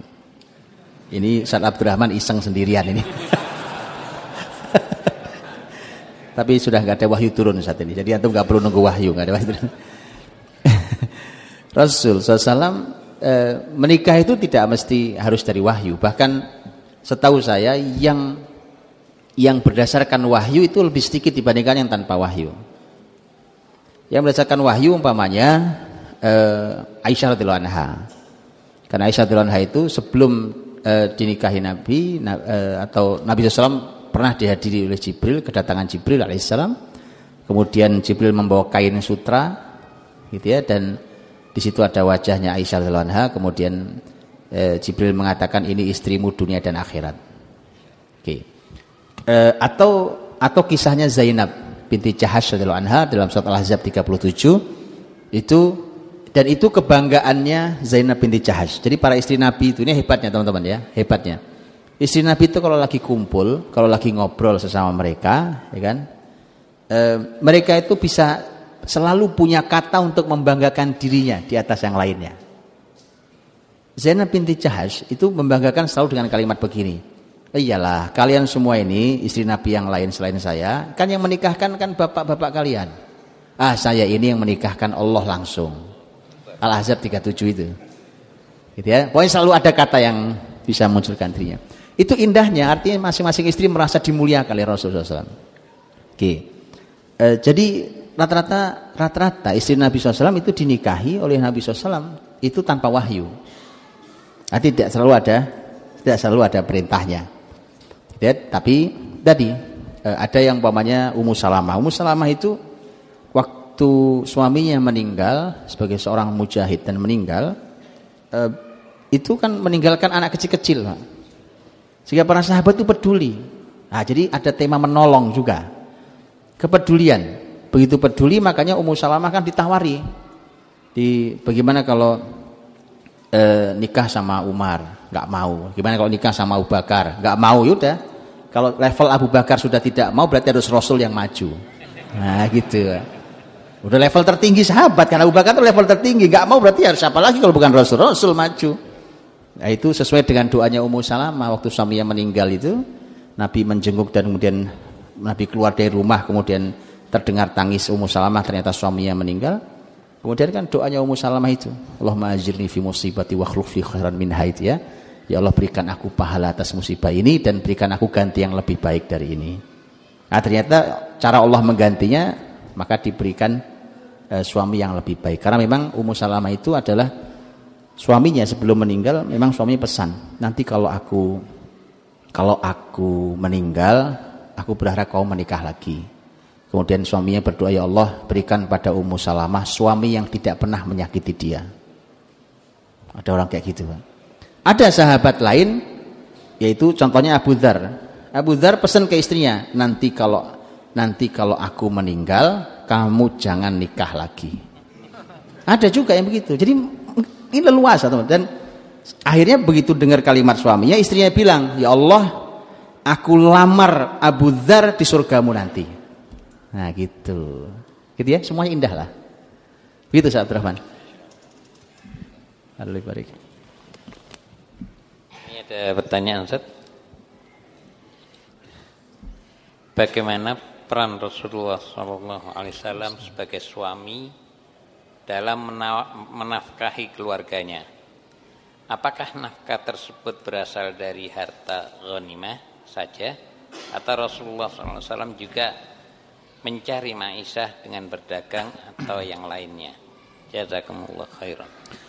Wayakum. Baik, uh, ya ini banyak ditanyakan. Apakah Rasul setelah eh, Rasul setelah menjadi Rasul itu uh, sumber sumber mata pencaharian beliau apa? Sebelum beliau jadi Nabi, beliau pedagang. Apalagi ketika sudah menikah dengan Khadijah, maka kan modal Khadijah itu besar sekali. Ini pengusaha pengusaha yang sukses. Tapi setelah beliau menjadi nabi, sudah nggak bisa lagi dagang, Pak. Sudah nggak bisa lagi dagang. Jadi Rasul itu sudah tidak dagang ketika beliau jadi nabi. Nah, nggak bisa, karena sudah kok jangankan sampai dagang, Pak. Itu baru terima wahyu pertama itu Rasul datang begitu yakin bahwa itu wahyu, Nabi berkata kepada begitu turun perintah untuk e, berdakwah, ya yuhal mudathir kum fa'andir bangun, berdiri, berikan peringatan. Saat itu nanti Nabi mengatakan kepada Khadijah radhiyallahu anha, kata Nabi laqad madha ahdun naum. Sudah habis waktu tidur saya. Dengan perintah seperti ini nih, sudah, sudah nggak ada lagi waktu saya untuk tidur. Jadi udah nggak sempat ngurusi pasar, untuk jualan apanya, udah nggak sempat. Karenanya Nabi itu makanya gitu, kadang-kadang ya kalau tidak ada makanan ya puasa betulan. Ya, Nabi kan tidak, Nabi itu orang yang tidak mungkin menampakkan ketidakmampuannya, kemiskinannya itu nggak ada, Pak. Kalau nggak ada, betul nggak makan, sudah. Adanya cuma air sama kurma, dua bulan berturut-turut, dua bulan berturut-turut di rumah di rumah istri si Nabi. Sudah kejadian. Tiga kali hilal, itu artinya dua bulan. Tiga kali hilal itu dua bulan. Dua bulan berturut-turut tidak ada makanan kecuali air dan korma. Cobain kalau nggak percaya, kalau percaya Pak. Betapa susahnya itu. Tapi itu kenyataannya. Sehingga dari mana sumbernya? Gitu ya. Dari mana sumbernya? Ada beberapa sumber. Sumber pertama adalah hadiah dari para sahabatnya. Nabi tidak menerima sotakoh karena Nabi tidak boleh makan harta sotakoh, tapi Nabi terima hadiah. Nabi dapat hadiah-hadiah Kadang-kadang datang pengusaha seperti Dihya bin Khalifah Al-Kalbi. Pengusaha besar datang ke Nabi, nanti ngasih hadiah sendal, baju, gitu gitu Pak. Nabi terima hadiah. Karena itu sebagai sambung persaudaraan. Kemudian eh, sahabat kaya raya, Sa'ad bin Ubadah radhiyallahu anhu. Ini pemimpin pemimpin masyarakat Khazraj. Pemimpin besar ini kaya raya. Kaya raya dan itu bisa setiap hari dia ngundang puluhan orang untuk makan di tempat dia itu tiap hari misalnya jadi kalau hari ini alhamdulillah mulai muncul gerakan ngasih makan gratis ya di mana-mana itu saat bin Ubadah dari dulu begitu Waktu masih sulit makanan di awal-awal Madinah, kalau sudah habis sholat isya begini, Nabi lihat mulai pada kelaparan tapi nggak ada yang bisa dimakan. Nabi umumkan, kata Nabi, siapa di antara kalian yang punya sisa makanan untuk satu orang, bawa saudaranya satu. Yang cukup untuk dua makan, bawa dua orang, dan seterusnya. Pokoknya masih ada sisa makan, tolong dibawa saudaranya. Ada yang bawa satu orang, bawa dua orang, bawa tiga orang. Saat bin Ubadah bawa delapan puluh orang. Orang kaya raya, Pak. Antum mau saya kasih doanya saat bin Ubadah. Doanya nekat ini. Saya kasih tapi kalau antum berdoa antum tanggung jawab di hadapan Allah sendiri masing-masing ya. Ini agak ngancam sedikit doanya. Karena doanya ini luar biasa antum pasti senang banget doanya. Ya, cuma tanggung jawabnya nggak mudah karena saat bin Ubadah itu kayak gitu model orangnya. Saat bin Ubadah doanya begini, Pak. E, doanya adalah kata beliau, "Ya Allah, saya ini adalah orang yang tidak cocok dengan hal yang sedikit." Gitu ya. Jadi saya ini tidak saya ini kalau dapatnya sedikit itu tidak akan baik. Dan memang tidak pas untuk saya hal yang sedikit itu. Simpel doanya ya. Maka saat bin Ubadah itu kaya raya Pak, tapi jangan cuma bicara kayanya. Saat bin Ubadah itu kedermawanan ya. Kedermawanannya itu sampai legenda. Dari mulai turunan bapaknya sampai anaknya. Anaknya namanya Qais. Qais bin Sa'ad bin Ubadah radhiyallahu anhu majmain itu itu legenda juga kedermawanannya. Gitu ya. Jadi kalau antum pakai doa itu ah, antum tanggung jawab dengan kedermawanan. Itu aja. Baik. Maka dari kadang itu saat bin Ubadah itu suka ngantri makanan ke istri-istri Nabi itu. Juga sahabat-sahabat lain. Sampai istri Nabi itu pernah protes ke Nabi, "Ya Rasulullah, sampaikan dong ke sahabat-sahabatmu. Kalau ngasih hadiah itu nggak usah nunggu waktu engkau dijatahnya Aisyah kenapa sih? Gitu. Karena sahabat itu juga gitu. Sahabat tuh kalau ngasih hadiah itu nunggu Nabi di rumah Aisyah baru datang ngasih gitu. Sampai istri lain protes itu. Istri lain sampai protes itu. Lah masuk kita ngomong ya kan Nabi juga gimana orang cuma dikasih gitu baik kemudian jadi dan itu teman-teman jadi konsep nanti di sepanjang sejarah Islam setelah Rasul jadi konsep bahwa makanya di dalam Islam itu ada istilah namanya wakful fukoha. Dulu dalam Islam itu para ahli ilmu itu disuruh fokus dengan ilmunya, urusan kesejahteraannya diurusi oleh wakaf produktif. Jadi konsep ini akhirnya gitu. Karena kalau ahli ilmu sibuk nyari duit, ahli ilmu sibuk ngamen, Pak. Sudah nggak jadi itu ilmu. Mana dia sempat baca buku, Mana dia sempat menganalisa ilmu? Mana sempat dia meneliti? Wong kerjanya keliling ceramah di mana-mana. Ya kapan belajar ilmunya? Di tengah sekian banyak literatur Islam itu. Padahal orang kayak Anda yang bisa baca. Kan begitu. Nah itu harus ada solusinya, teman-teman. Solusinya dalam Islam itu dimunculkan wakaf-wakaf produktif untuk menopang kesejahteraan para ahli ilmu itu. Bahkan dulu ahli ilmu kadang-kadang duduk aja, duduk aja di situ, duduk situ. Di ruangan itu duduk saja. Kerjanya cuma apa? Baca buku doang kerjaannya baca buku, meneliti, menganalisa, kemudian menulis kembali apa segala macam menjadi memberikan pengajaran. Orang kalau nanya malah mudah kan? Mak mudah coba umpamanya kalau di Masjid Ar-Royan ini ada ahli ilmu didudukkan di sini dibiayai dengan wakaf produktif. Orang sejombang kalau mau tanya ilmu apa kan pasti ada ustadznya di sini. Datang aja, asal antum datang jam sekian jam sekian, beliau masih ada. Nah ini nyari ustadz susah pak. WA juga nggak dijawab-jawab kan? iya susah kan. Itu. Jadi itu jadi sistem. Oke. Kemudian beliau juga dapat jatah ghanimah. Kan ghanimah itu seperlimanya jatah Nabi SAW. Nanti oleh Nabi akan dibagi ke orang fakir, miskin, ibnu Sa'id ya. Itu pembagian terserah Nabi. Yang kedua yang utuh adalah fai. Fai. Fai itu adalah rampasan perang, tetapi muslimin tidak perlu mengeluarkan tenaga untuk memenangkannya. Kalau ghanimah itu muslimin perlu betul-betul bertenaga untuk perang betul sama. Tapi kalau fight tidak, musuhnya datang nggak lama nyerah gitu. Nggak perlu tenaga. Maka ketika mereka nyerah, harta yang diambil oleh muslimin dari rampasan perang itu namanya fight dan itu seutuhnya terserah Nabi. Mau diapakan oleh Nabi? Gitu ya? Itu sumber-sumber dari Eh, apa Maisyah Nabi Rasulullah SAW. Baik, silakan.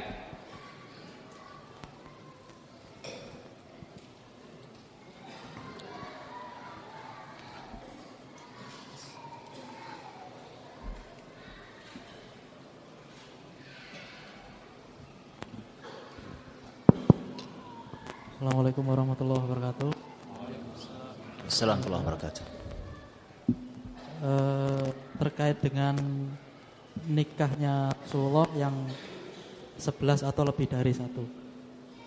Eh, kalau kita amati Ustaz ya, eh, Nabi menikah dengan para janda yang sudah usia lanjut, kan begitu.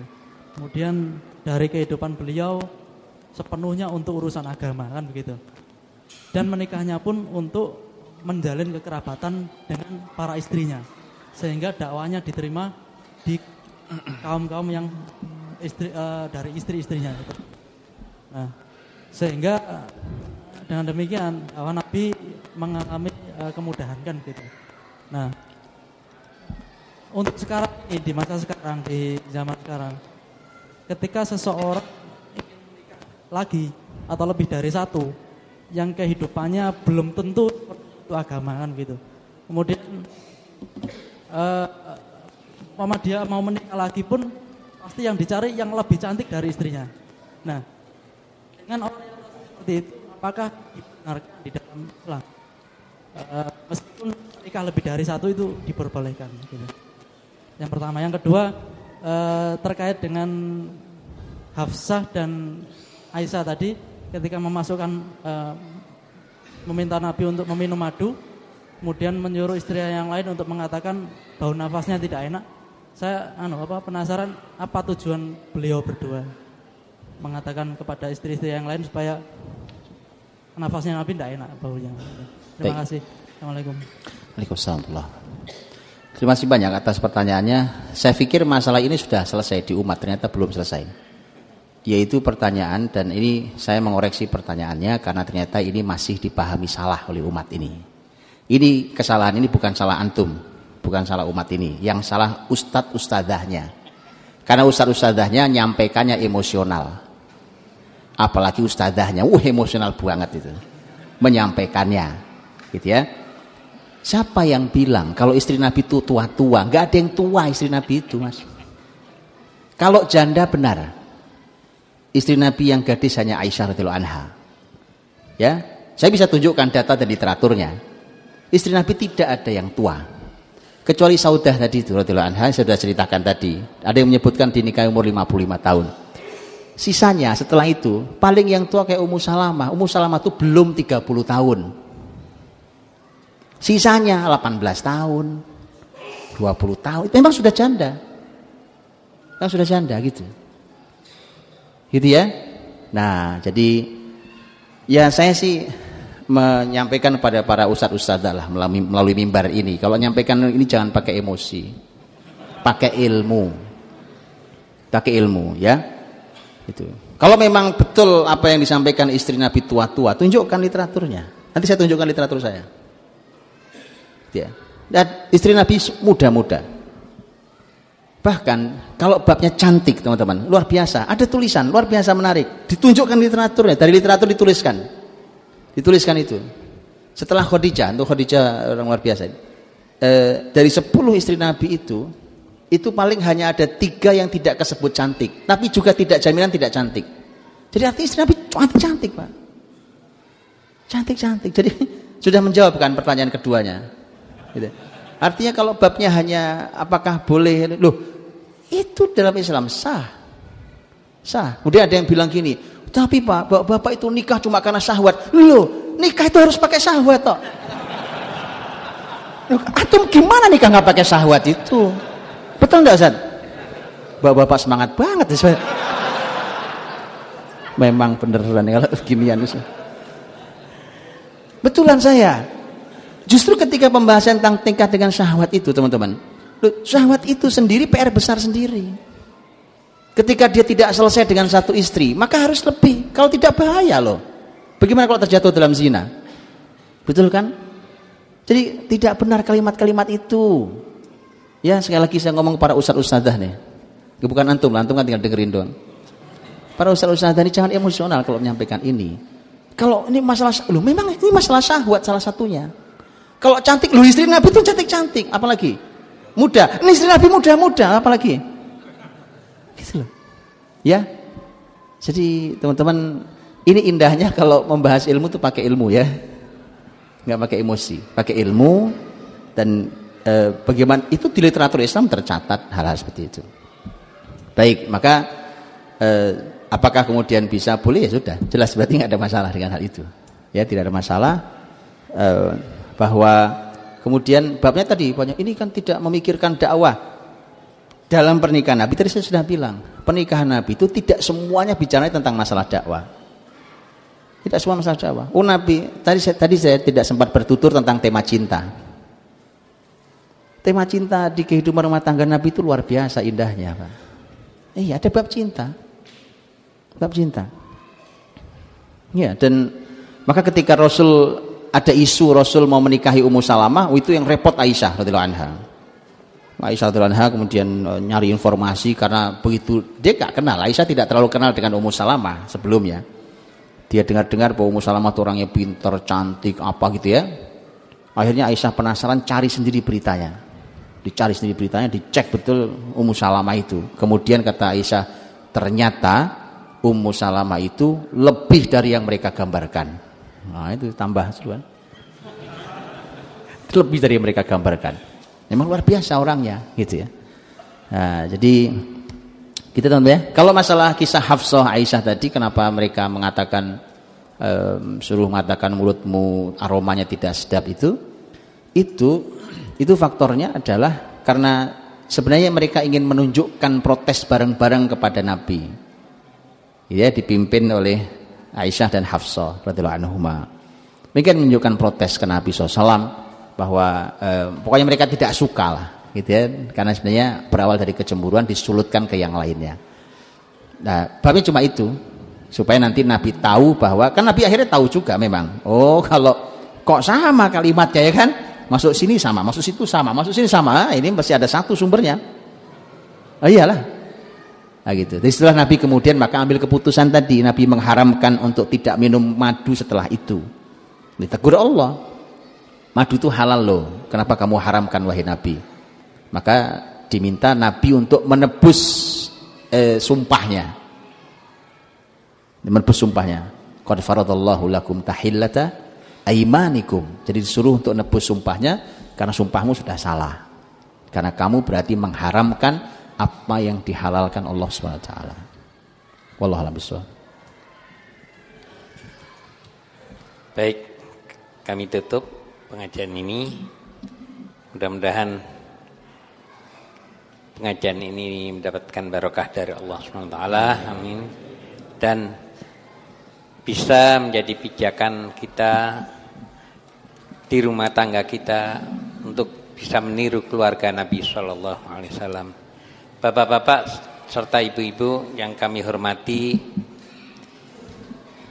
marilah kita doakan saudara kita selaku sekretaris yayasan Masjid Ar-Rayyan ini yaitu Bapak Muhammad Hasan Bazet saat ini mengalami sakit dalam kondisi kritis. Semoga Allah SWT menyembuhkan beliau. Insyaallah. Allahumma rabban nas dzibil bas ishwi anta syafi La shifaan illa shifauka shifaan la yughadiru saqamah. Kemudian yang berikutnya kami umumkan insyaallah kajian untuk bulan Maret kita bertemu pada hari Sabtu tanggal 30 Maret di tempat ini dengan Ustadz Asep Sobari LC kami ulangi hari Sabtu tanggal 30 Maret kita bertemu dengan eh, kita undang kemari Ustadz Asep Sobari LC. Demikian yang bisa kami sampaikan. Kami mohon Ustadz Budi Azari bisa memimpin doa. Mari kita tutup dengan doa di dalam Allah untuk saudara kita yang diberikan sakit semoga Allah berikan kesehatannya semoga Allah berikan untuk bisa berkumpul bersama kita kembali dalam amal-amal kebaikan dan semoga Allah berikan juga kesehatan afiah untuk kita semuanya dan diberkahi kita di ilmu kita, di sisa usia kita, di keluarga kita, di anak keturunan kita, di harta kita. Dan eh, semoga Allah SWT memberikan kemuliaan kepada Islam ini di negeri ini dan semoga Allah berikan kita kesempatan untuk menyaksikan saat Allah menegakkan syariatnya di bumi Nusantara ini. Allahumma salli wa sallim wa barik ala Muhammadin wa ala alihi wa sahbihi ajma'in walhamdulillahi rabbil alamin. حمدا يوافي نعمه ويكافئ مزيدا. يا ربنا لك الحمد ولك الشكر كما ينبغي لجلال وجهك الكريم وعظيم سلطانك. اللهم إنا نسألك ونشهد أنك أنت الله. لا إله إلا أنت الأحد الصمد. لم يلد ولم يولد ولم يكن له كفوا أحد. اللهم أعز الإسلام والمسلمين. اللهم أعز الإسلام والمسلمين. اللهم أعز الإسلام والمسلمين اللهم انصر المستضعفين من المؤمنين في كل مكان وزمان يا رب العالمين اللهم لا تسلط علينا من لا يخافك فينا ولا يرحمنا اللهم لا تسلط علينا من لا يخافك فينا ولا يرحمنا اللهم لا تسلط علينا من لا يخافك فينا ولا يرحمنا ربنا هب لنا من أزواجنا وذرياتنا قرة أعين واجعلنا للمتقين إماما. اللهم اجعلنا مقيم الصلاة ومن ذريتنا. ربنا وتقبل دعاء. اللهم ربنا تقبل منا إنك أنت السميع العليم. وتب علينا إنك أنت التواب الرحيم. اللهم اشف مرضانا ومرضى المسلمين. اللهم اشف مرضانا ومرضى المسلمين. اللهم اشف مرضانا ومرضى المسلمين. ربنا آتنا في الدنيا حسنة وفي الآخرة حسنة وقنا عذاب النار. Subhana rabbika rabbil izzati amma yasifun. Wassalamun alal mursalin walhamdulillahi rabbil alamin.